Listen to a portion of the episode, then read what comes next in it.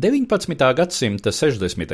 gados Savienotajās valstīs parādījās jauns dzelzceļa transporta veids - Pulmana guļamvagons. Džordža Pulmana kompānijas izstrādājums principā mainīja ceļošanu ar vilcienu.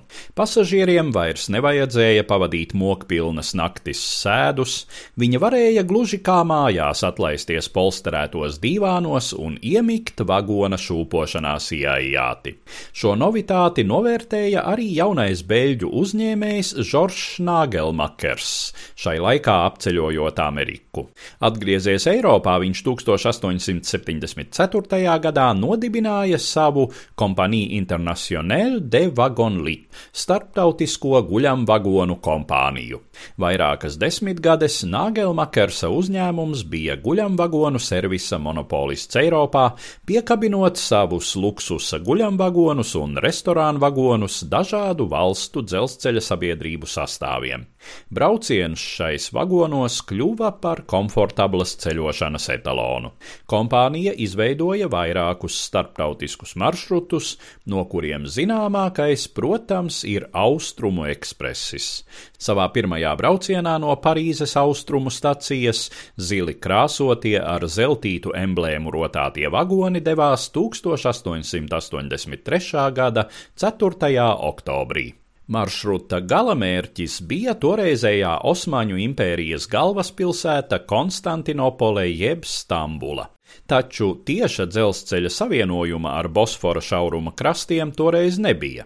Ekspresa pasažieri no Parīzes pa dzelzceļu caur Minheni, Vīni, Budapeštu un Bukaresti nonāca līdz Džurdžu pilsētiņai Rumānijas dienvidos. Šeit viņus ar prāmi pārcēla pār Donavu uz Rusi Bulgārijā, kur viņi ar citu vilcienu sasniedza Varnas ostu pie Melnās jūras, un no Varnas tvaikonis tad viņus nogādāja nogādāja galamērķī Stambulā.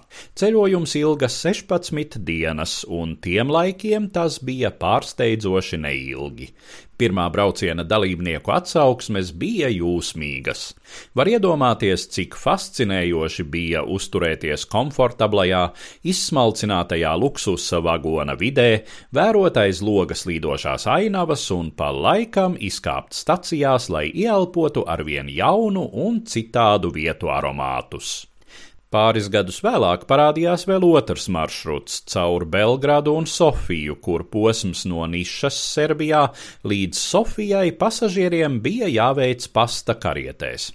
Drīz gan trūkstošie dzelzceļa posmi Balkānos tika izbūvēti, un pirmais tiešais reiss no Parīzes uz Sikerģī dzelzceļa staciju Stambulā devās ceļā 1889.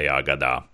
Sadarbojoties ar Britu ziemeļaustrumu dzelzceļu, tika izveidots ekspresa maršruts no Londonas līdz Stambulai. Pēc Pirmā pasaules kara, kad tika pabeigts Simplonas tunelis Alpos starp Šveici un Itāliju, parādījās jauns maršruts caur Lozannu, Milānu un Venēciju.